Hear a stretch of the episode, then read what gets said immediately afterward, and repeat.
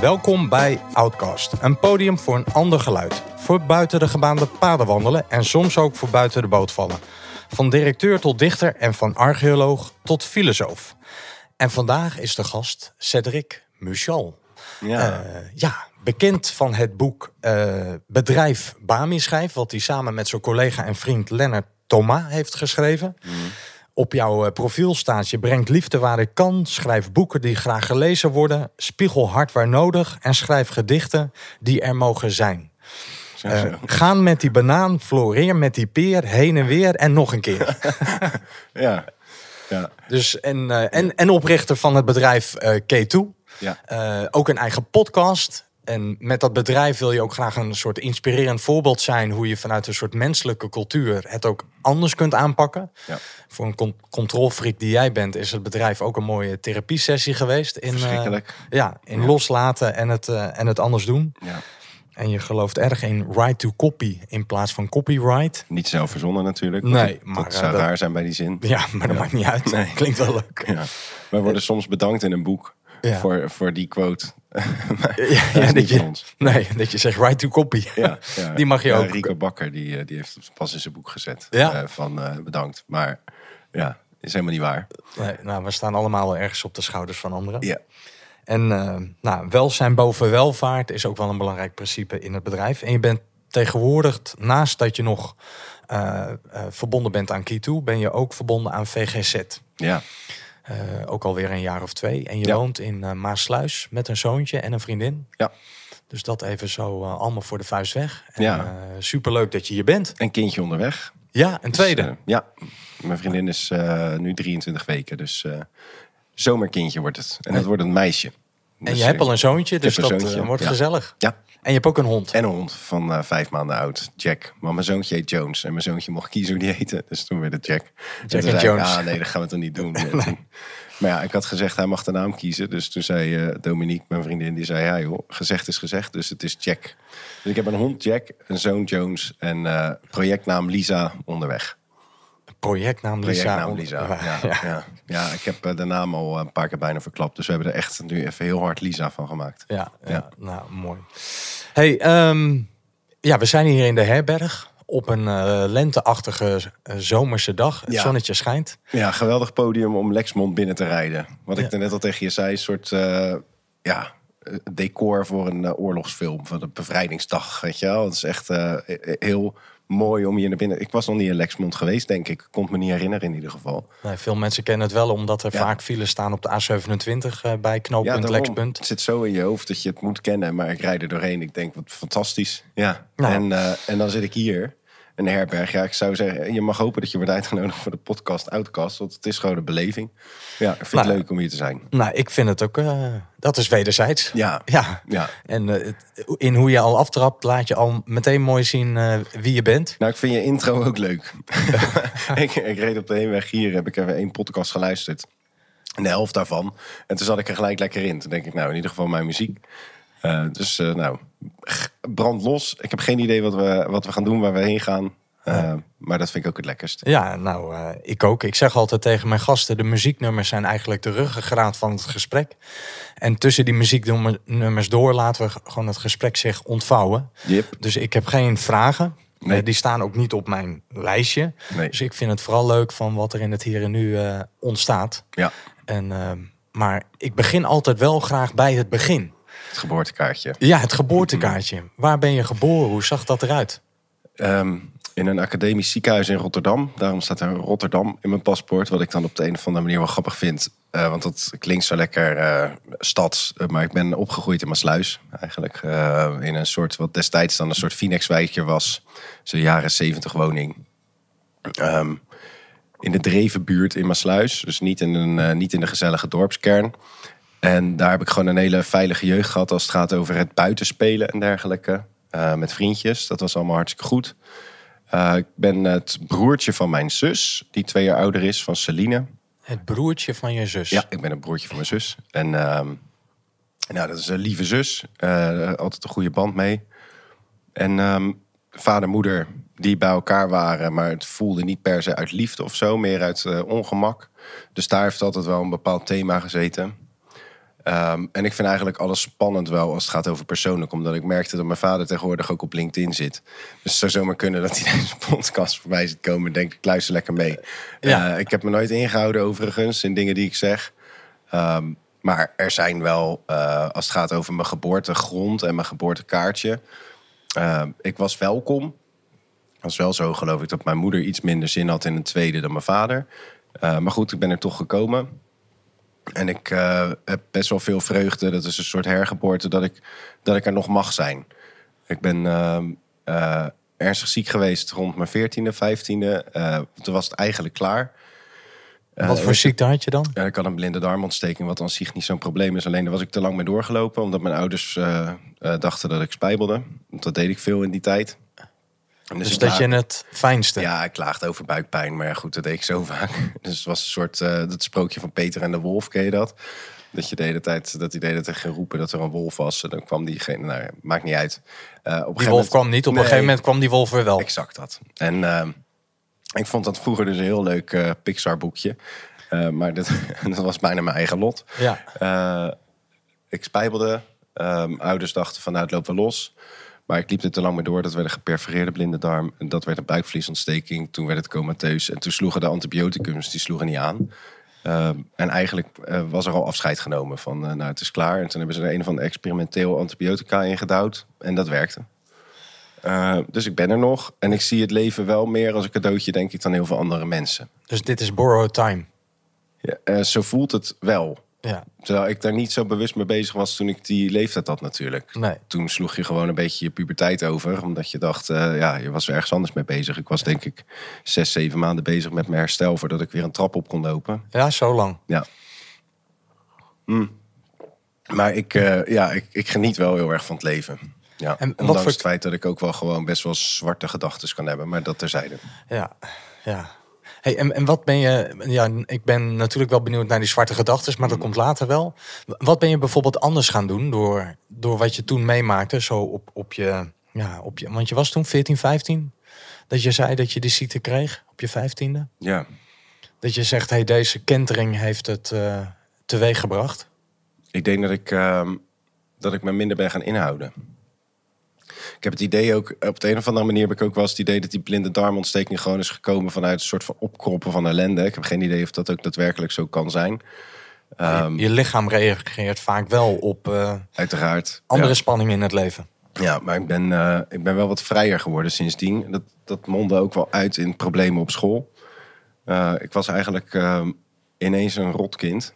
Die problemen kreeg met leraren. Ja, niet direct daarna, maar wel zo ongeveer vier VWO en, eh, en daarna. Toen teruggezet werd naar de HAVO en zo.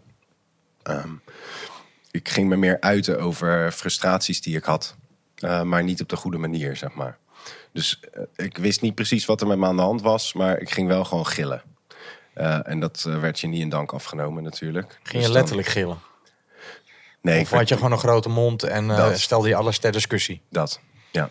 Met af en toe wat geze- gescheld erbij. ja, ik accepteerde de positie niet van docenten. Eh, ik had thuis eh, niet echt een band met mijn vader op zo'n manier dat hij mijn vader was.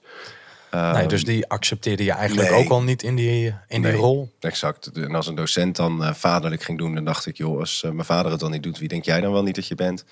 Dus ik werd een beetje een recalcitrant ventje. Waarvan Terwijl je het hem- ergens wellicht ook zo nodig had in je leven. Ja, ik had gewoon eh, liefdevolle, warme aandacht nodig. Ja. Het werd uiteindelijk de allerstrengste docent van de school die me een keertje beetpakte en me drie uur lang heeft laten leeglopen. Met snot uit mijn neus heb ik toen allemaal ellende uit mijn leven verteld. Althans, eh, zoals ik het ervaarde. Of het nou echt Ja. ellende was, dat maakt dan nog niet uit. Eh, en toen ging het beter. Ja, En, en dat was op de middelbare school ja nog. dat was op de middelbare school. Weet je zijn naam nog? Ja, zeker. Jan van Oorschot. Eh, een een bekende voor iedereen die ooit op Westland Zuid of Aquamarijn heeft gezeten. Eh, dat was de Duits docent met een eh, kin ver naar voren. En een heel groot postuur. Die altijd zei, afkijken mag, maar als ik het zie, heb je een één. Dat, eh, en eh, was een hele, hele bijzondere man. Die eh, door sommige mensen was het de, de, ja, de ware angstgegner van de middelbare school. Voor mij was het denk ik wel een soort savior. Ja. Ja, en die je niet liet ontsnappen. Nee, die En zette die- me vooraan in de klas. En die zei van, joh, jij snapt het al. Ga jij maar iets anders doen. En die zette het eh, jongetje die het meeste moeite had met Duits naast me. En daartegen zei hij dan, eh, je mag afkijken, maar als ik het zie heb je een één. Maar wel eh, met een kleine knipoog van, joh, dan leren jullie wat van elkaar. Eh, die, sommige, soms heb, kom je van die mensen tegen die meer zien, zeg maar. Of Ja. die voorbij het gedrag kijken. En dat probeer ik zelf ook vaak te doen. Dus dat Ja. was Jan. Jan ja, was ik een, heb eh, ooit een brief geschreven toen ik eh, ging trouwen. Om te zeggen dat het allemaal toch nog goed is gekomen met me. En dat vond hij hartstikke leuk. Ja. Ja, we hebben allemaal eh, soms van die eh, veilige rolmodellen in het leven Ja. nodig... die op een strenge, doch eh, liefdevolle manier je even kunnen ontmantelen. Zit ik hier in Outcast en dan gaan we het hebben over de middelbare school. Ja, Nee, maar je voelde je blijkbaar toch ook een outcast. Ja. En daar niet helemaal op je plek. Je voelde Nee. je een buitenbeentje wellicht ook al... Ja, zo klinkt het een beetje, ook in je gezin. Ja. Dat je zegt, ja, ik voelde me welkom, maar ook niet helemaal. Nou, ik voelde me wel onderdeel van het gezin. Eh, ik had alleen het idee dat er heel erg veel speelde en niet werd uitgesproken. En daar had ik heel veel moeite mee. Dat kon ik dan ook niet kwijt. Nee. Ik praatte er ook niet over met mijn zus. Maar je had gewoon een soort hele innige band. ehm, een understanding. En dan ging ik gewoon bij haar op de kamer gingen we muziek luisteren. Eh, en dat was dan... eh, komt straks ook een nummer van voorbij. rock, live. Nou, laten we daar lekker naar luisteren Ja, dan. Nirvana. Nee, maar laten we even... The Prodigy natuurlijk. Ja. Radiohead. Oh, man, man, man. Nee, maar het eerste nummer van de dag, want die past volgens mij hier wel mooi bij. Mhm. Want dat hoor, luister je dan eigenlijk samen met je zus op haar slaapkamer. Ja, best wel eh, donkere rock. En, en wil je er nog even een, een kleine introductie bij geven? Of is dit eigenlijk al voldoende? Want Ik heb van jongs af aan heel lang gedacht... als ik doodga, dan wil ik dit nummer op mijn begrafenis. Dus toen dacht ik, nou, we starten gelijk gezellig. ja. Turn My Head van Live. Jij en je zus op de slaapkamer. Dan wel eh, een Yes. soort begraafplaats.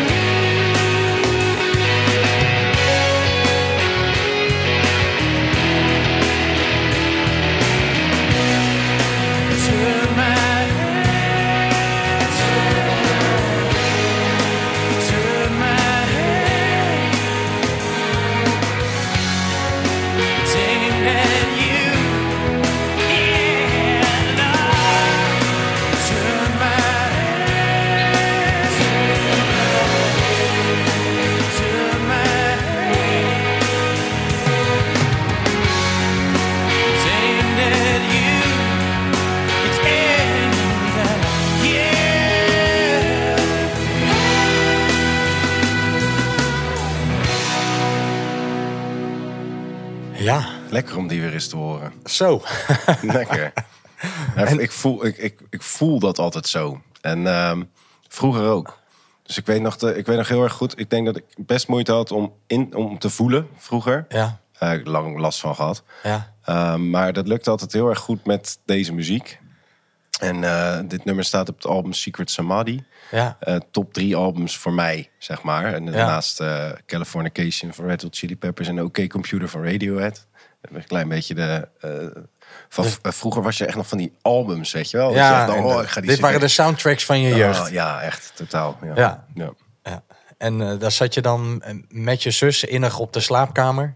Ja, of, of, of in mijn eentje op mijn slaapkamer. Maar ik weet nog wel dat we Smack My Bitch Up van The Prodigy heel hard aan staan. en en Nirvana, ja, je, je kent de nummers wel. Zeker. Dat vonden we wel mooi. Mijn zus die had altijd eh, een mooie geluidsinstallatie. En ehm, ja, dan lulde je niet, maar dan luisterde je. Ja. Ik had het met Green Day. Oh, dat snap ik. Ja. Weet je, die, dat vond ik ook echt eh, ja. waanzinnig. Ja. Weet je, dat was ook in zo'n tijd van mijn leven. Ja. Eh, nou, ni- niet dat ik zeg dat ik het herken, maar ik herken ook wel dat onuitgesprokene thuis. Mhm. En dat je het ongemak voelt. En dat, ja, muziek was dan wel een. Ja. ja. daar kon je in thuiskomen. Dat. Dus eh, wat jij ook zegt, hè, die donkere muziek, om misschien ook wel het onuitgesproken woord, toch geluid Ja. te, te geven. Ja. En eh, En ik heb ook hele fijne herinneringen aan mijn jeugd die heel licht waren. Dus eh, dat was dan gewoon de geur van gras als ik ging voetballen en dan thuis kwam. En dan had mijn moeder, die had dan een halfje wit gehaald bij de SRV-man. Die de straat in reed. En dan, dan was het allemaal leuk. En dan ging mijn vader die ging zijn platen uitzoeken. En dan ging hij een plaat aanzetten. En dan hoorde je Bach of Vivaldi. Ehm, en dan leek alles soort van pijs en vree, weet je wel. Ja. En dat waren dan de mooiste momenten. Mijn zaterdagmiddag met een beetje een lentezonnetje. Precies het weer als nu. ja. En dat voelt als heel erg licht. En pallikaakjes in mijn thee. En mevrouwtje theelepel op tv. Op tv. Ja. Ehm, eh, maar eh, doorgaans eh, zie ik mijn jeugd toch wel als... er zit best wel veel zwaarmoedigheid in. Vader was niet echt gelukkig. Had het moeilijk op zijn werk. Ehm, dronk liever bier dan water. Laat ik het even netjes zeggen. En waar kwam dat vandaan? Waar kwam zijn ongelukkigheid vandaan? Eh, jeugd. Ehm, niet gezien, niet gekend. Eh, Kwam je zelf uit een gezin ja, waarin ja. was dat een groot gezin of een klein gezin? een relatief klein gezin. Ehm, eh, vader en moeder, allebei wees. Er zat weinig gevoel of, of zachtheid in. Hoe bedoel je wees? Hun ouders jong verloren. Ja, beide. En ehm, dus mijn vader, die, die, die, is, die is niet echt in een nest opgegroeid vol warmte of bevestiging en dergelijke. En dat heeft hij nog best wel lang met zich meegedragen. En, ik, ehm, en op zijn werk was hij ook niet gelukkig. Ehm, kwam dan niet altijd lekker uit de verf. Of er werd niet gezien voor wat hij kon. Of eh, Ja. gewaardeerd voor wat hij deed. Eh, en je merkte dat gewoon. Dus als de sleutel in het sleutelgat ging na het werk, dan voelde ik aan de, sfeer- de voelde ik, ik, ik kon aan het geluid van de sleutel al horen wat voor avond het zou worden. Ja. En echt gesproken werd er dan niet aan tafel. Nee. Eh, wat er werd besproken was vooral mijn moeder die zei: Hoe was je dag? En dat was dan ook altijd in de oppervlakte, zeg Ja. maar. Dus de echte thema's van hoe zitten dingen nou, dat werd niet uitgesproken. Eh, en dat, dat doe ik tegenwoordig in mijn leven dus wel heel erg. Ik heb in ieder geval gedacht: Oké, ergens in mijn leven heb ik gedacht: daar moet, dat moet ik anders hebben. En wat was dat moment in je leven dan? Dat je dacht, ik wil daarmee breken. Ik wil die zwaarmoedigheid niet ook Nou, zo zwaar blijven voelen. En wellicht straks ook weer doorgeven aan mijn eigen kinderen. Ja. zo gaat dat vaak, dat het generaties lang wordt meegedragen. Nou, ik denk dat ik het al wel heel erg lang heb gewild, maar dat ik het niet altijd heb gekund. Dus eh, ik ben eh, gescheiden. Ik heb het eh, in mijn huwelijk heb ik het voor een deel heel erg goed gekund, maar voor een deel lukte me dat ook niet. Ehm, dat zat, ten dele zat het dan in de interactie, maar ook gewoon voor een groot deel bij mezelf. Dat ik me niet altijd durfde uiten. Ehm, dus eh, één, één, het begint al bij oké, weten wat je voelt. En dan vervolgens ook nog de vertaalslag durven te maken naar expressie. Ja. Eh, het, verbaast mij, het verbaasde mij dan ook heel erg. Achteraf dan niet, want dan kan je het misschien wel rijmen. Dat na mijn scheiding ik ineens 300 gedichten schreef. En dat had ik daarvoor nog nooit gedaan. Ja, met Sinterklaas. Ja. Eh, en dan de meest corny shit, zeg maar. Dan wist Ja. ik wel dat ik een beetje creatief kon schrijven. Maar ik had nog nooit mijn gevoelswereld op papier gezet. Nee. Dat ben ik daarna wel gaan doen. Ehm, en ik, eh, ik praat nu eh, wel altijd over mijn gevoel. Ja. Eh, maar dat ja, gaat nog niet altijd vanzelf, zeg maar. Maar die scheiding, is dat een soort breekpunt voor jou geweest? Ja, Dat je dacht, ik wil breken met die zwaarmoedigheid van mijn vader en ik, ik wil daar gewoon wel over leren praten. Nou, het is in ieder geval zo dat in mijn familie het eh, in die zin redelijk bijzonder was als je het wel deed, zeg maar. Want eh, je moest gewoon bij elkaar blijven. Dus dat is in ieder geval ergens mee breken geweest. Maar mijn scheiding is meer een breekpunt in het algemeen geweest. Want dat heeft me echt eh, verschrikkelijk veel pijn gedaan. Ja. Ehm, echt zo'n dik litteken. Ehm, dus dat, dat dat iets afbreekt is onvermijdelijk, zeg maar. Ehm, ik heb wel het idee dat, eh, dat het niet zozeer mijn scheiding is alleen, maar dat, ik, dat er meerdere momenten zijn geweest in mijn leven waarop je een soort van een nieuw leven start. Dus op mijn 14e, 15e, dan ga je misschien wel weer een nieuw leven aan. Bij de geboorte van je zoontje, ik denk ook dat ik daarin weer een nieuw leven aangegaan ben. Ehm, nu komt Lisa eraan, start een soort van weer een nieuw leven. Misschien is het na de scheiding ook een nieuw leven. Eigenlijk alsof je tijdens levensweg iedere keer Opnieuw geboren wordt. het spel zegt: ik begin gewoon opnieuw. Nou, opnieuw geboren eh, wordt. Ja, en dat is eh, ook met carrièreperspectief, het maakt niet uit. Eh, op alle vlakken kan je gewoon opnieuw beginnen, soort van.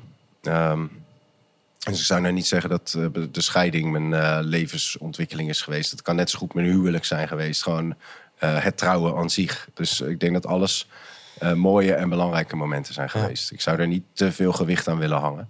Eh, omdat ik dat ook gewoon koester als hele mooie tijd. Ja. En eh, Ja. En hoe verhoudt zich dit ook tot dat je ooit de Key 2 bent begonnen? Dat was in Nou, 2011. En Dat komt wel vanuit mijn jeugd. Ik had altijd een autoriteitsprobleem op school. Ehm, daarna ging ik wel studeren, HBO. Want ik had mijn VWO had ik dan niet gehaald. Een gedoe. Eh, dus toen ben ik HBO gaan doen. Eh, dat was echt zo'n opleiding. Ja, dat deed je met twee vingers in je neus en die organiseerde je een beetje. Ehm, maar toen had ik mijn diploma en geen idee wat ik wilde. En ehm, toen heb ik eh, eigenlijk iedereen die zei tegen mij: Nou, jij moet sowieso gaan ondernemen, want je kan niet voor een baas werken. Dus toen dacht ik: Nou, dan moet ik maar gaan ondernemen. En toen ben ik dus eigenlijk met allerlei dingetjes begonnen. Eh, gewoon eh, hosselen en lol maken.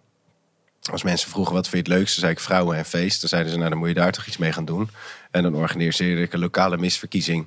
En dan verdiende ik daar geld mee. En toen dacht ik, oh, dit is blijkbaar een bedrijf. En dat mondde uit in een groter evenementenbureau. En dan had je medewerkers en allemaal, allemaal dingen waar ik eigenlijk eh, later ook van dacht: van ja, wat een onzinnigheid eigenlijk. En eh, ik ben altijd wel een beetje op zoek geweest naar de zingeving in datgene wat ik deed. En die voelde ik eigenlijk heel lang niet. Totdat ik Kito begon, samen met Patrick. Ehm, een paar van mijn marketingklanten wilden graag een webshop. Patrick, mijn beste vriend, die kon webshops bouwen. 1 en 1 is 2. We zijn nu een webshopbedrijf. Dus dat was dan Key2E. Ehm, alles voor de voor de e-commerce, zeg maar. En eh, na twee jaar waren we een, nou zeg even een top 10 webshopbouwer van Nederland. Die markt die was niet zo dik bezaaid. Je kende eigenlijk gewoon alle andere partijen ook die het deden. Die waar- was je ook gewoon goed bevriend mee, soort van. Een goede band mee. Maar Pet en ik keken elkaar wel aan na twee, drie jaar. Van joh, nou zijn we ineens een webshopbouwer. Ja, nou zegt Pet, daar heb ik helemaal niks mee. Nee, ik ook niet. En toen zijn we eigenlijk gewoon gaan kijken van joh, we willen niet iets zijn. We zien wel wat het blijkt te zijn. En dan, eh, ja, en dat is nu uitgemond tot een soort van weerwar van kleine BV'tjes die allerlei verschillende dingen doen. Van eh, psychologie, eh, educatie, IT, sociale marketing, strategie. Allerlei verschillende takjes. En dat had ik destijds niet voorzien. Maar gedurende Kito is er eigenlijk een stukje zingeving ingekomen. Waarbij ik oorspronkelijk wel dacht: zou wel vet zijn als je een bedrijf bouwt en dan een exit hebt van 3 miljoen. Dat soort teksten waarvan ik nu denk: nou en, eh gadver. Ja, hoe cares? Eh, hoe- ja, hoe, hoe gives a shit. En, maar toen dacht ik, hoe vet. En op een gegeven moment dan merkten we door de manier waarop we eh, georganiseerd waren eigenlijk... van, eh, oh, dit is, dit is wel het waarachtige. Dus het, eh, eh, het menselijke stuk onderling en dergelijke. ja, en daar veel ruimte voor geven. En dat mensen eigenlijk Ja. zichzelf kunnen ontplooien. Ja, ja, In plaats van eh, een eigenaar met een, een duidelijke visie van dit is wat we verkopen. En Exact. ik wil het bedrijf schaalbaar maken, groeien. En Ja. dan wil ik het kunnen verkopen. Waardoor ik een goede... Ja, je kan een context creëren waarin mensen meer poppetjes zijn die dan functioneel allemaal dingetjes doen, zodat de context floreert. Of je creëert een context zodat mensen zichzelf kunnen ontplooien en dat er dan van alles ontstaat met die mensen. En dat zij van alles gaan doen, wat er niet per se in het voordeel hoeft te zijn van die context, maar wat wel vet is om te zien gebeuren bij die mensen. Uh, en dat laatste is natuurlijk super slecht voor je winst. En uh, zou een beursgenoteerd bedrijf niet moeten doen. Nee. In de, uh, algemeen aangenomen. Um, en het eerste, dat is hoe het gangbaar is. Maar ja, ik heb me daar nooit thuis in gevoeld. En Patrick Steens, partner van het eerste uur, ook niet. En Lennart Thoma, je noemde die naam net. organisatiepsycholoog. En die heeft wel echt een podcast. Ik heb wel een podcast tijd gehad met hem. En die staat nog steeds online. En dat wordt nog steeds wel beluisterd. Maar hij heeft nu die podcast met Thijs Launsbach over hoe ben je zo. Gaat echt over psychologie en karaktereigenschappen en kenmerken. En um, ja, Lennart die snapte ook nooit waarom werk op een bepaalde manier was georganiseerd. Dus wij zijn eigenlijk gewoon alles maar gaan proberen. Dus collega's die hun eigen salaris bepalen of elkaar konden aannemen of ontslaan naar eigen inzicht. Uh, of zichzelf konden aannemen als zij dat een goed idee vonden. Dus gewoon echt extreem totaal debiele vrijheid. Wat soms ook veel meer een middel dan een doel aan zich was. Of veel meer een doel werd dan dat het een middel was voor iets anders. Omdat we gewoon het echte doel erachter waren vergeten. Um, maar dat werd gewoon een organisatie met allemaal sociale experimenten. Waar ik heel veel van heb geleerd. Maar ook mezelf natuurlijk ben tegengekomen. Omdat je zo extreem veel vrijheid aan mensen geeft. Dat je zelf ook echt gewoon totaal de regie kwijt bent. en dat voor iemand met toch wel een drang naar controle. Uh, ik denk dat dat weer van huis uitkomt. Dat je denkt, ja, als shit oncomfortabel is, dan wil je dingen kunnen beheersen, weet je wel. Nou, daar heb ik nu geen last meer van. Ja. Dus als de sleutel in het sleutelgat gaat van het bedrijf, ja. dan uh, weten ze wel ongeveer wat voor Cedric daar naar binnen wandelt. Uh, nee, nou, daar wordt helemaal geen rekening meer gehouden met Cedric. Dus ik, ik kan net zo goed lucht zijn, zeg maar. Dus dat maakt niet uit, nee. Nee, maar in ieder geval, je zal niet de sfeer meebrengen van... Uh, uh, ik heb een zware dag gehad. Nee. En, uh, heb ik wel lang gedaan. Ja, ja. En, en, alles wat ik daarin voel, maak ik niet bespreekbaar. En iedereen voelt dan, nou, gezellig zo'n sfeer. Ik kreeg met mijn feedbackgesprekken altijd te horen... dat ik uh, een hele positieve invloed kon hebben op de groep. Met de nadruk kon hebben. Ja. Uh, en dat ik kaart werkte en dat ik zus en dat ik zo. En ik kreeg hele hoge beoordelingen, weet je wel, allemaal zes uit zes scores. En daar zat ik helemaal triomfantelijk naar te kijken. Dan weet ik nog dat Lennart tegen me zei, zou je daar niet wat minder zesjes willen? Uh, dat snapte ik echt niet. Totdat hij het uiteindelijk uh, uitlegde van, joh, één, je legt de lat voor anderen gigantisch hoog. En twee, let vooral eens op dat ene zinnetje waarin stond dat ik ook extreem goed was in de sfeer negatief beïnvloeden. Die raakte in die zin. Dat ik ook denk, ja... Um, ik was toch nog gewoon best wel veel command control aan het beheersen. Dus als het, als het uh, even niet lekker liep, of als een klant voor de derde keer belde in een maand uh, met kritiek, dan stormde ik weer een kamer binnen. En dan denk ik, en heb je niet gehoord dat ze zo. Dus iedereen die was gewoon zijn eigen baas. Totdat ik vond dat iemand niet meer zijn eigen baas was. En dan ging ik wel weer vaderlijk doen. Ja. Dus eigenlijk uh, geef je iemand de volwassenheid. Om daarna die volwassenheid weer bij iemand weg te nemen. En te zeggen, nu ben je weer een kind. Wat ik eigenlijk, dat vind ik inhumaan. Maar ik had niet door dat ik dat deed. Totdat nee. je ermee geconfronteerd wordt. En dan moet je er iets mee. Ja, spiegel, uh, spiegels van de ziel, hè? Ja, ja Zo, nou, dan, uh, moest je net, dan moest je net Lennart Thoma hebben of, of Patrick uh, compagnon en vriend. We hebben elkaar ook niet vaak gespaard. Altijd wel gewoon uit liefde gezegd tegen elkaar wat die ander... Wel fijn gilly onder tafel. Ja, er is een gezellig. hond die ja, ook nog af en toe meedoet in dit gesprek. Heerlijk, ja. ja. Echt liefde. Hey, en als we het over echt liefde hebben, ja. dan, en je had het net ook over vrienden. Ja. Het tweede nummer van de dag. Ja, vriend zien huilen kan ik niet. Van Herman van Veen. Nou, vertel eens even kort. Wat is de reden dat we daarnaar uh, gaan luisteren? Uh, ik vind die tekst echt debiel goed. Uh, terwijl, ik er nog terwijl ik hem nooit echt precies kan duiden. zolang als ik erover nadenk ook. Ik denk dat het leven gewoon in potentie prachtig is. Maar vol zit van pijn en lelijkheid. ik zou zeggen, ja, de luisteraars, de meeste die zullen hem wel kennen. Maar waar ik sowieso moeite mee heb, is om het verdriet uh, van de wereld eigenlijk te zien. Uh, wat dan deze is vertaald als een vriend zien huilen, kan ik niet. Uh, vorige week kon ik niet komen. Hè. Mijn vriendin was ziek. Ja. dus hebben we hem een weekje later opgenomen. Maar de podcast, hè? De podcast. Wel ja, ja, niet het liedje.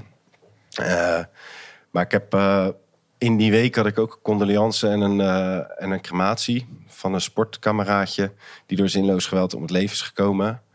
Um, wat, en daar ga ik nu niet pathetisch over doen, dat, dat is de hardheid van het leven en totaal debiel, maar dat is gebeurd. Uh, maar daar zag ik gewoon uh, zo verschrikkelijk veel vrienden, kennissen huilen. Dat ik dacht, nou, ik weet niet. Misschien kan ik het inmiddels wel. Dus, maar toen had ik het liedje al aan je doorgegeven. dus ik kan een vriend zien huilen, maar het is, uh, ik vind het soms te gek voor woorden hoe, hoe ziek deze wereld is.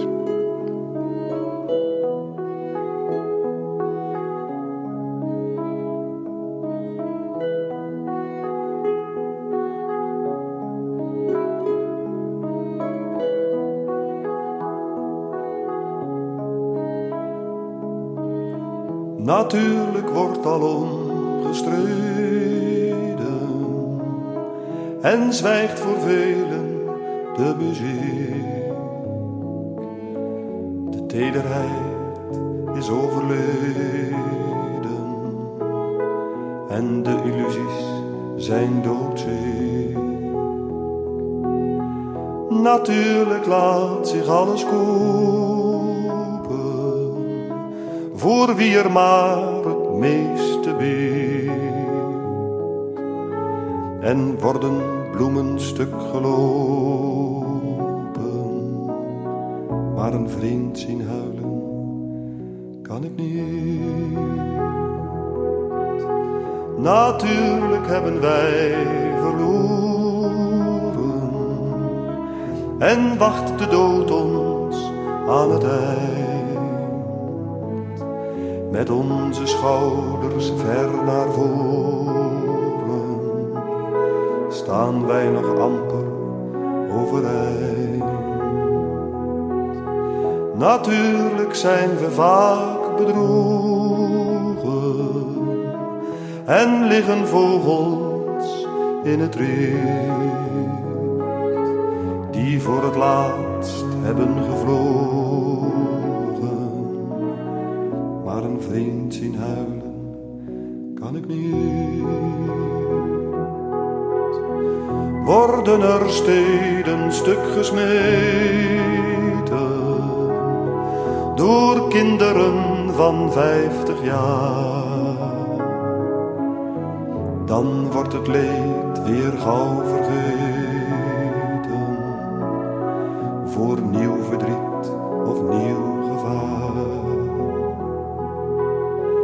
En die stations vol met verdwaalden, al te ver heen voor elk verdriet. Geen enkele waarheid die het haalde, maar een vriend zien huilen kan ik niet. Natuurlijk spiegelt zijn in Geen moed genoeg om Jood te zijn. Niet elegant genoeg voor neven. Geen licht, alleen maar valse schijn. In eigen kilheid zo gevangen dat men voor liefde zich verschuilt. Zo aan het eind van elk verlangen, maar dan een vriend te zien die huilt.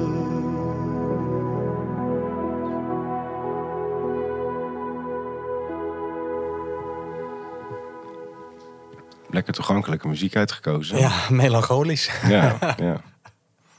Ja ik, uh, ik word altijd, uh, altijd een beetje triestig. Treurig. Uh, ja, van... Stuk gesmeten steden. Ja, en, en, en ieder zinnetje van de tekst gaat gewoon over vandaag. En het lijkt wel steeds meer over vandaag te gaan. Ik heb met Herman van Veen heb ik dat vaker opzij, opzij, opzij. Ik heb haast, ik heb haast. Ehm, dat heeft hij toen geschreven, uh, maar dat lijkt nu nog actueler. Ja. Dit is toen vertaald dan wel hè, van uh, Jacques Pruil, maar het is nog actueler. En uh, ik heb het idee dat de wereld zeg maar niet de kant op gaat van de liefde, maar meer de kant op van de angst. Ehm, en ik ben bang, hè, ik heb daar ook angst voor, dat, we daar, dat we ons daar allemaal wat weinig bewust van worden. Want? Ik zie eigenlijk heel erg veel. eh, of het nou, eh, gisteren was er een treinongeluk gebeurd. Het eerste wat je leest is: het wordt onderzocht hoe het komt. Ik zou eerst gewoon graag willen dat het extreem compassievol is naar alle nabestaanden. En dan gaan we daarna wel eens kijken. Maar er moet direct een reactie zijn van de onderzoeksraad. Want ik begrijp het wel, want die doen ook hun werk. Maar het is gelijk het systeem wat ingrijpt. En ik zou zo graag willen dat er eerst eens liefde is. En dat er stil wordt gestaan bij eh, wat er allemaal echt gebeurt. En dat op alle vlakken. Dus wat je, wat je En, ziet. en vindt dat niet al op voldoende eh, plekken plaats? Weet je, je hebt dat boek natuurlijk van Rutger Bregman, De meeste Mhm. mensen deugen. En die zeggen, ja, het nieuws eh, voedt ons soms ook om in dat negatieve te gaan geloven. Terwijl eigenlijk de trend is dat er juist veel meer positieve voorbeelden zich ontstaan in de wereld. Waarin mensen juist veel meer verbonden met elkaar raken. Ja. Dus dat we soms ook een beetje op een dwaalspoor worden gebracht door de media. Dus je kunt er ook voor kiezen om bijvoorbeeld Geen NOS en media niet en gewoon ja, in het kleine, in je eigen cirkel van invloed, gewoon liefde te blijven geven Ja, met de mensen die om je heen zijn. En je niet te laten voeden door al dat zwaarmoedige, wat blijkbaar beter verkoopt. ja. ja.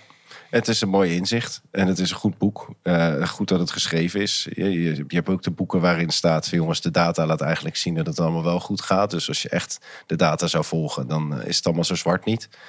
Eh, wat ik alleen wel om me heen zie, is dat mensen zich vooral eh, overhoop werken en eh, niet uit zelfliefde eh, kijken naar wat er nou werkelijk gebeurt. En dat iedereen toch een beetje meer bezig is met het voldoen aan bepaalde normen en binnen een prestatiemaatschappij. Waarvan ik denk, joh, zijn we ons nou allemaal wel bewust van wat er op dat vlak echt gebeurt of niet? Hey, en hoe doe je dat zelf? Ik Hoe- probeer te strijden tegen mijn eigen latjes die ik neerleg. Een voorbeeld, je gaf het in, het, in de intro al aan. Ik heb een eh, fulltime baan bij een zorgverzekeraar. En ik heb een bedrijf. En ik probeer een boek te schrijven. En nou, ik probeer allemaal dingen tegelijkertijd. Bovendien, dochtertje onderweg, relatie, Klinkt een beetje huis veel. ingegaan. In feite is dat, als je het allemaal goed zou willen doen, is dat te veel. Ja. Nou, wat is goed en wat is te. Ehm, dus ik focus me op, eh, ik, ik volg mijn hart en ik probeer die dingen allemaal te doen. En daarin kom ik mezelf natuurlijk continu tegen dat dat niet helemaal lukt. En dat is de hele tijd een strijd. En wat ik ook merk is dat nu ben ik 40. Toen ik 30 was en we zaten in de opkomst van Quito, dan kon ik echt te biel hard werken. Echt als een paard ging ik tekeer. En ehm, dat, dat kan ik niet meer. Dus ik voel Of gewoon. dat wil je niet meer, hè? Nee, precies. Misschien zou je het nog wel kunnen, maar eh, is, is, is het er wel diepers Exact. in jezelf eh, veranderd? Exact, maar dan nog op het moment dat je niet doorhebt dat je dat niet wil. Eh, en een iets in jou wil dat nog wel, dan zie je vooral van oh, waarom lukt het nou niet? En dan kan je op dat moment kiezen voor de frustratie of je kiest voor de zelfliefde en je zegt van volgens mij gebeurt dit. En dan gaat het heel erg over die, ehm, dat spiegelen naar jezelf en heel erg kijken in verbinding met jezelf, wat gebeurt er nou? En dan heb je ook echt te staan voor je gevoelswereld. En dan heb je die in kwetsbaarheid te bespreken met je naasten. Eh, en al dat soort zaken, dat zie ik om me heen eh, te weinig. Hey, en ik, in dit gesprek ben ik wat minder benieuwd in wat jij allemaal om je heen ziet. Ik ben Mhm. vooral benieuwd hoe jij beweegt in deze mooie wereld. Ja. Hoe, en hoe, hoe, hoe zorg jij ervoor, want je hebt ook van die prachtige gedichten? Hoogtevrees is Mhm. een van die gedichten, dat je niet eh, ten onder valt in je eigen zwaarmoedigheid of in je eigen... Ja, ik ben bang om te vallen in de diepte van mezelf. Ja, Ja. vind ik zo'n prachtig zinnetje van je. Mhm. Dus hoe, hoe, hoe let je op jezelf dat je daarin niet eh, verdrinkt en helemaal hoe je zo de wereld om je heen dan ziet? Dat je... Ik uit me meer, dus ik vraag meer hulp. Eh, eigenlijk aan Dominique ook. Dus ik, ik kan echt wel eh, in één Dominique week... is je vriendin. Ja, ik kan in één week kan ik drie keer hetzelfde onderwerp aanhalen en zeggen dat ik me daar erg zorgen over maak. En dan kan zeggen, zeg maar, daar hebben we twee dagen geleden toch over gehad. En dit was toch de conclusie. En twee dagen later heb ik weer het gevoel, weet je wel. Alsof je gered wordt op zee en dan uit het bootje springt en zegt help. Ik lig weer in het water, wat helemaal niet nodig was. Uh, maar ik, uh, ik sta gewoon meer voor dat wat ik voel en ik deel dat meer. Ja. Dus ik durf meer hulp te vragen. Ik probeer vaker te kijken naar, oké, okay, maar wat is nou, um, wat ben ik nu echt aan het doen in het totaal? En misschien doe ik wel gewoon de goede dingen. Dus ik probeer een ander perspectief aan te nemen op de werkelijkheid van nu. En datzelfde geldt natuurlijk ook een beetje voor dat, het eerste liedje, Turn My Head.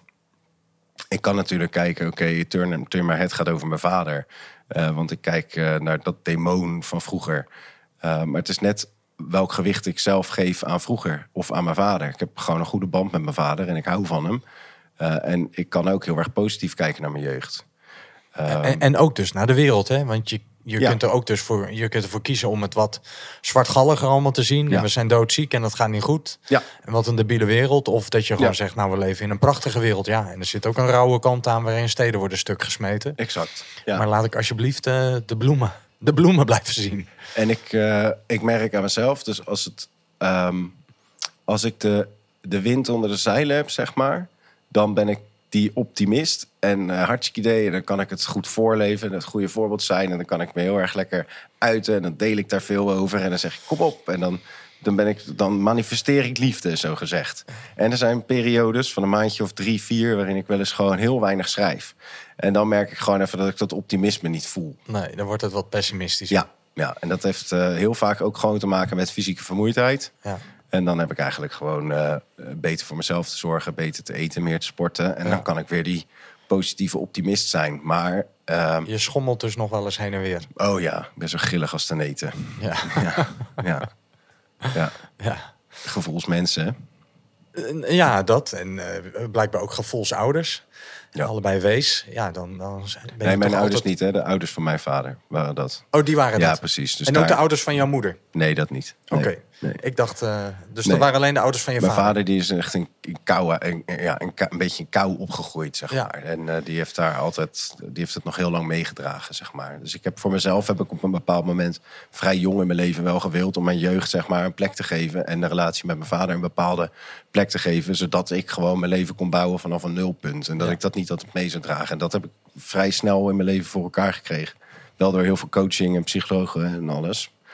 Uh, maar daardoor ben ik, denk ik, in staat geweest om op mijn veertigste uh, gewoon echt te kijken naar... oké, maar zo zie ik de wereld en zo uh, wil ik hem graag leven, zeg maar. Ja. Ja. Derde nummer van de dag. Mhm. Ik weet niet of het erbij past. Weer Herman van Veen. Oorspronkelijk moest ik, want het, het nummer heet Zo Vrolijk. Um, dus oorspronkelijk moest ik natuurlijk eigenlijk denken aan de kindertijd weer. En je had Ja. het al over vrouwtje theelepel. Nou, ik keek ook graag naar Alfredje Dokers Kwak. Jij Ja. ook. Ja. Dus het is toch leuk om even een beetje naar... eh, dit, dit, dit, dit, was toch wel... Mhm. Ja, je zou denken van, joh, dit had je dan toch over je jeugd uh, erin gegooid, hè? Ja, maar dit is het... Dacht zo, zo vrolijk, Ja. zo vrolijk. Precies. Ja. Ja, ik En ik heb uh, besloten om hem uh, voor de toekomst uh, erin te gooien. Ja, Um, Lisa is onderweg.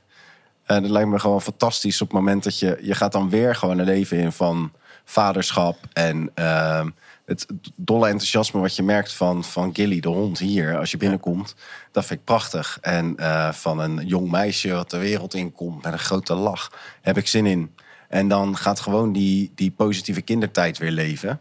Daar heb ik heel veel zin in. En dat ging er net dus ook over. Het is heel treffend wat je zegt. Van, ja, maar jij hebt ook een keuze of je de wereld vanuit liefde bekijkt... en vanuit optimisme of vanuit... Zwartgalligheid. Ja. Um, dus het is voor mij wel een soort van wensvolle gedachte... dat ik hem bekijk vanuit die... ik ben vandaag zo vrolijk. Hij is aanmoedigend, hè? Voor Ja. jezelf. Ja. En ik, ik laat even uh, de versie luisteren, gezongen door Herman van Veen zelf. Maar ik kon het niet laten om ook even weer terug te grijpen naar uh, mijn herinneringen. Van dat, uh, ik weet niet, keek je ook Alfredje Dokers Ja, Kwak? ja, nou en of. Dat nou, waren toch... man, man. Wat, wat een geschiedenislessen zaten daar allemaal in verstopt. Met Dolf. Dolf, Dolf de Raaf. Ja, dat was... ja, uh, geweldig. nou, Met zijn gepoetste snavel. Ja, toen had ik nog niet door dat uh, Adolf en Dolf toch wel erg veel op elkaar leken. Nee, nee, nee. Ik heb Kwam pas later. Ja, ik, ik heb pas achteraf veel dingen geleerd, ja. Ja, ja. ach ja. Zo vrolijk, van Herman van Veen.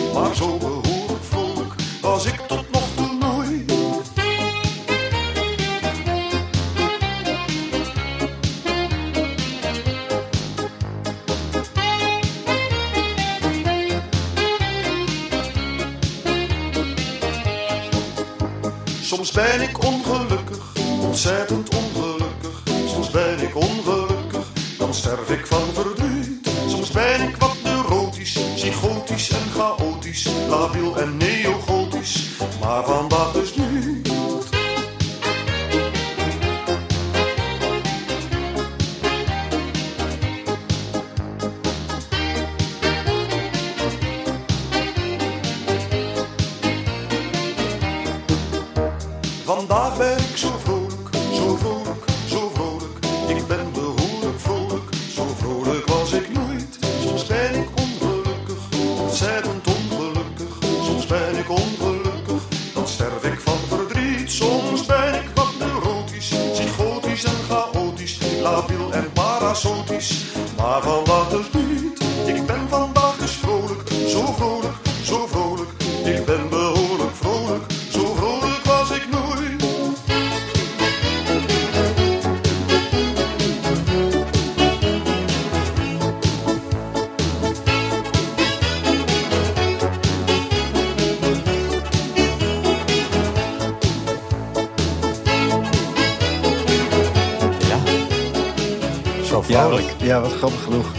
Als die dan aanstaat, dan zit ik gewoon eh, te, te schudden op mijn stoel. Dan voel ik me gewoon eh, kind, Weer zo, die- kind zo blij, ja. En weer die eend. Ja. Althans, die waggelende Exact. eend. Ja, en, dat, en dit is wat mij betreft gewoon met het hele leven zo. Je hebt de hele tijd de keuze hoe je naar bepaalde zaken kijkt en naar je eigen werkelijkheid. En ik heb, eh, ik heb heel erg veel geluk in mijn leven, denk ik. Heel veel lieve mensen om me heen.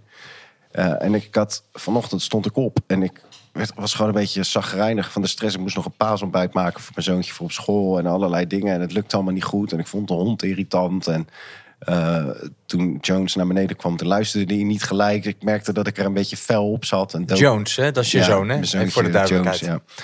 En uh, Do, mijn vriendin, die keek dus al naar me. Ik denk, oké, ja, volgens mij... Dus ik zei ook, oké, even opnieuw. Ik ben niet, want ik ben niet zagrijnig. Ik ben niet zagrijnig, weet je. Ik- ik- Ik kies ervoor om nu even wat Ja. anders te zijn. ja, en eh, ik- het is nog geen tien minuten later... en ik loop over het schoolplein met mijn zoontje... en ik zeg tegen iedereen, hey, hoi. En ik voel me gewoon echt lekker en de zon schijnt... en ik rij hierheen en ik heb Do in de auto aan de telefoon. Dus ik zei, nou, heerlijk. Ik sta in de file en ik vind het nog fijn ook, weet je. En ik meen dit. En eh, wat, ik, wat ik eigenlijk... Ik heb, soms heb ik de neiging om heel erg tegen eh, de systeempijn in de wereld te vechten. En te zeggen, de, er zitten fouten in het systeem en die moeten worden opgelost. En het andere moment zeg ik juist, jongens, die systemen die zijn er allemaal. Eh, die verander je echt niet 1, 2, 3. Maar je kunt je binnen die systemen wel altijd gewoon op een bepaalde manier bewegen. En daarin heb je keuzes te maken. En dat is een keuze vanuit liefde of vanuit angst, vanuit hoop of vanuit zwartgalligheid. Ja. En ik, ik fluctueer ook tussen die eh, beide paden. Maar het, het, het feit is wel, het is prettig als je het weet. Of dat je er bewust van bent. En dat je in een moment ook altijd weer iets anders kunt kiezen. Dat is het leven, hè? dat we pendelen tussen hemel en hel. Maar dan zou ik wel de mensen die verantwoordelijk zijn voor die grote organisaties. eh, graag daar het bewustzijn in willen laten pakken. Dat zij eh, in een bepaald systeem zitten. En dat er bepaalde zaken misschien van ze verwacht worden. Ofwel door aandeelhouders, ofwel door wetgeving. Maar dat ze ook altijd de keuze hebben in momenten om soms wel eens een hele dappere, eh, eh, dappere weg te kiezen. Ja, en te breken. En te Met- breken met de conventies, ja. Ja. En eh, dat, dat is wat we bij Kito expliciet hebben gedaan. Wat niet altijd heel erg goed is uitgepakt. Hè. Dus soms liep het ook wel eens negatief met iets af. En dan merkte je gelijk het hoongelach van de buitenwereld vaak. Van, oh, zie je nou? Waarbij ik dan juist dacht, nee, niet zie je nou. Dit is geprobeerd. Eh, wat, en, en dat laat alleen maar zien dat iets ook kan bestaan. Eh, dat iets dan niet eh, perfect is. We hebben ook nooit gezegd dat een andere manier de ideale manier is. Maar het zou zomaar minder suboptimaal kunnen zijn dan het gangbare. Dus op het moment dat je een keer iets nieuws probeert en dat lukt niet en dat wordt gelijk afgefakkeld, dan zou ik zeggen, kijk naar het huidige. Is dat dan zo ideaal? Weet je wel? En ik zou het gewoon vet vinden als, als mensen meer vanuit liefde naar bepaalde zaken kijken en ook vanuit eh, lef bepaalde dingen durven doen. Nee, in plaats van dat ze bevestiging zoeken voor hun eigen referentiekader. Hè? Hmm. Van zie je, het is niet gelukt, dus wij worden bevestigd in ons eigenlijk waarheidsbeeld. Ja, Terwijl we zijn allemaal een leerling van het leven. mooi. Dus eh, ja, ik, eh, en ik leerde ook bij, als je, vooral als je werkt bij vernieuwing in bedrijven, moet je niet denken in return on investment, maar return on learnings. Mooi. Snap je dus dat je voortdurend eigenlijk kijkt, wat is de opbrengst van wat we hier weer hebben geleerd met elkaar, in plaats van, nou, dit was weer een verlies. Ja, mooi gezegd. Ehm, ja, terwijl het is gewoon risico lopen in het leven en in Ja. je werk. Ik zat pas bij een klant. En toen zei ik heel erg geïrriteerd. Maar het maakt niet uit hoeveel winst je balans laat zien. Het maakt uit hoeveel balans je winst laat zien. En toen had ik hem gezegd en dacht ik, oh, dat is echt een tegeltje. maar hij begreep me wel gelijk. En waar, waar- Was dat een uitspraak van jouzelf of van Ja. die klant? Nee, van mezelf. Ik zei dat tegen die klant. Ehm, kijk, het, het, het, het, ging veel over de miljardenwinsten van die, eh, van die grote eh, oliemagnaten en eh, Shell met zijn Welke balans laat je winst zien? Ja. Ehm, en ik vind het aan zich niet erg dat hele grote organisaties heel veel winst maken. Ik zou het alleen zo vet vinden op het moment dat ze ook op andere vlakken dan een bepaalde winst er tegenover stellen. Ja. Dus wat wij bij Kito als, als doel hebben voor onszelf is dat we een soort van for-profit model hebben. Dat hebben we ook niet zelf verzonnen. Maar we willen financiële winst als voorwaardelijkheid. We willen inspirationele winst, sociale winst en ecologische winst behalen. In een soort van gelijke balans. Eh, het hoeft niet allemaal 25, 25, 25 procent te zijn. Maar Nee, maar er wel evenwicht. ja, evenwicht. En ehm, tof als je 30 miljard financiële winst maakt. Maar zet daar dan ook 30 miljard aan. Ja, dat kan je heus wel kwantificeren. Maar probeer 30 miljard aan sociale of ecologische winst te creëren. Of, en als je dat dan doet, inspireer de rest van de wereld daar dan mee. Hè? Eh, en, en, en dit is wat wij ook voor andere organisaties, die probeer ik daarbij te helpen. En ik was gewoon een keer dan getergd en dan gooi ik zo'n zinnetje eruit. En dan denk ik, nou, daar zit wel iets in. En ik snap niet dat, dat het weinig gaat over balans van winsten. Maar dat het altijd gaat over winsten op een balans. Ik, ik vind dat rare gekkigheden. En dan denk ik, nou ja, misschien is dat dan wel gewoon je taak. Dat je af en toe dat soort dingen dan blijft benoemen. Maar dan moet je je er niet over frustreren. Maar dan heb je andere mensen ermee te inspireren. Want anders doe je het zelf ook niet goed, weet je wel. Maar het is gewoon wel eens moeilijk. Omdat altijd, ik ben vandaag zo vrolijk gevoel te houden. Maar ik ga er wel vaker voor kiezen. Dus het is ook goed dat jij me in dit gesprek daarop wijst. Door Nee, Simon, want ik, van, ik, eh, eh, ik proef het natuurlijk. Hè, en je hebt natuurlijk iets profetisch in je. En iets activistisch. Van eh, ik wil ergens tegenaan schoppen. En ehm, eh, ik zie iets gebeuren in de wereld om me heen. En dat maakt mij somberder. Of dat ik denk, hé, hey, wat zijn we toch verziekt geraakt van al die systemen en het stuk slaan van, van steden. Ja. En ik, als ik kranten lees en mijn NOS-app, dan denk ik ook, nou, gezellig zo'n wereld.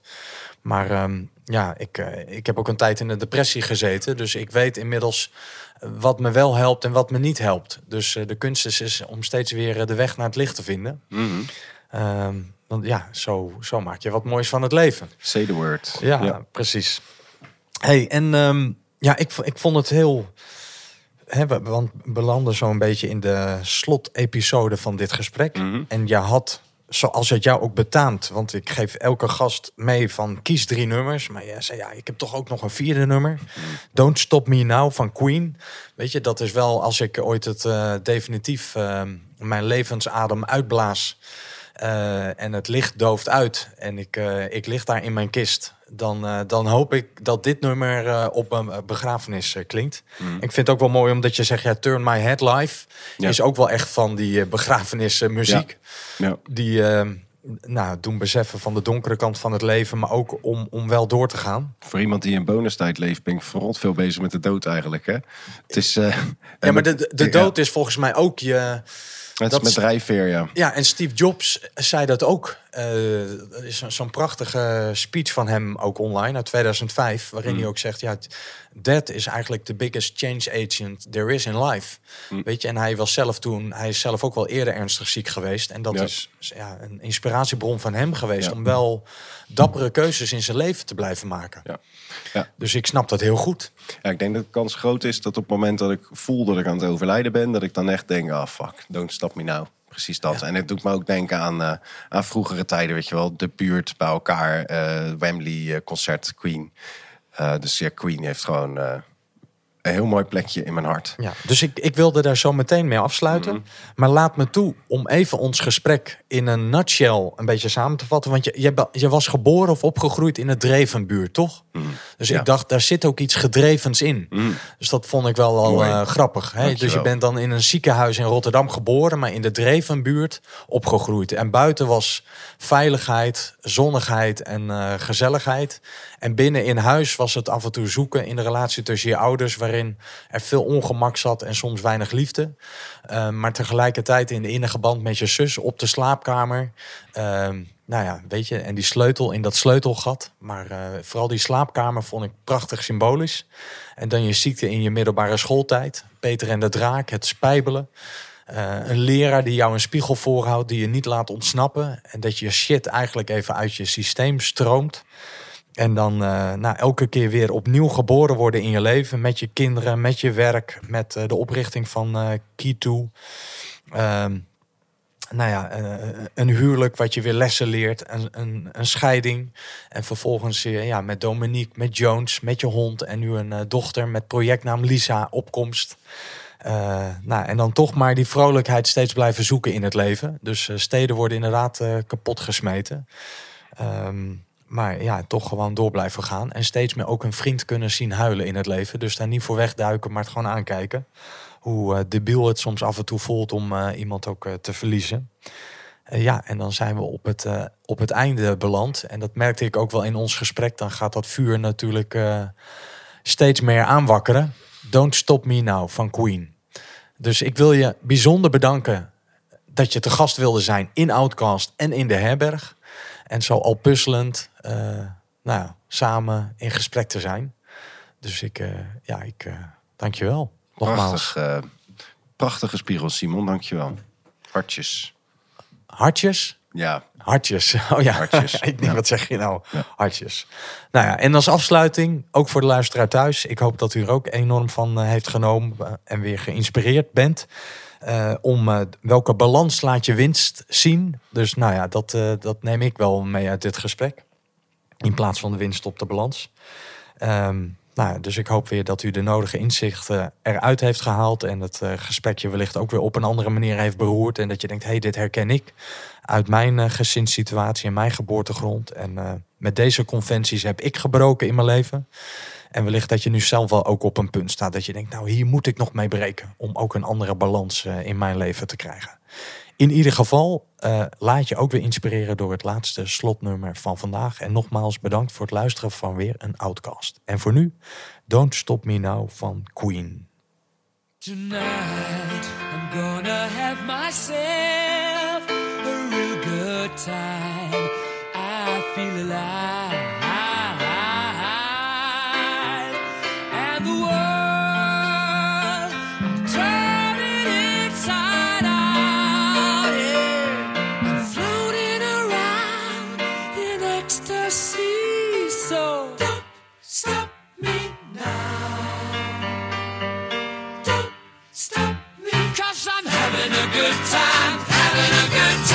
Shooting star leaping through the sky like a tiger, defying the laws of gravity.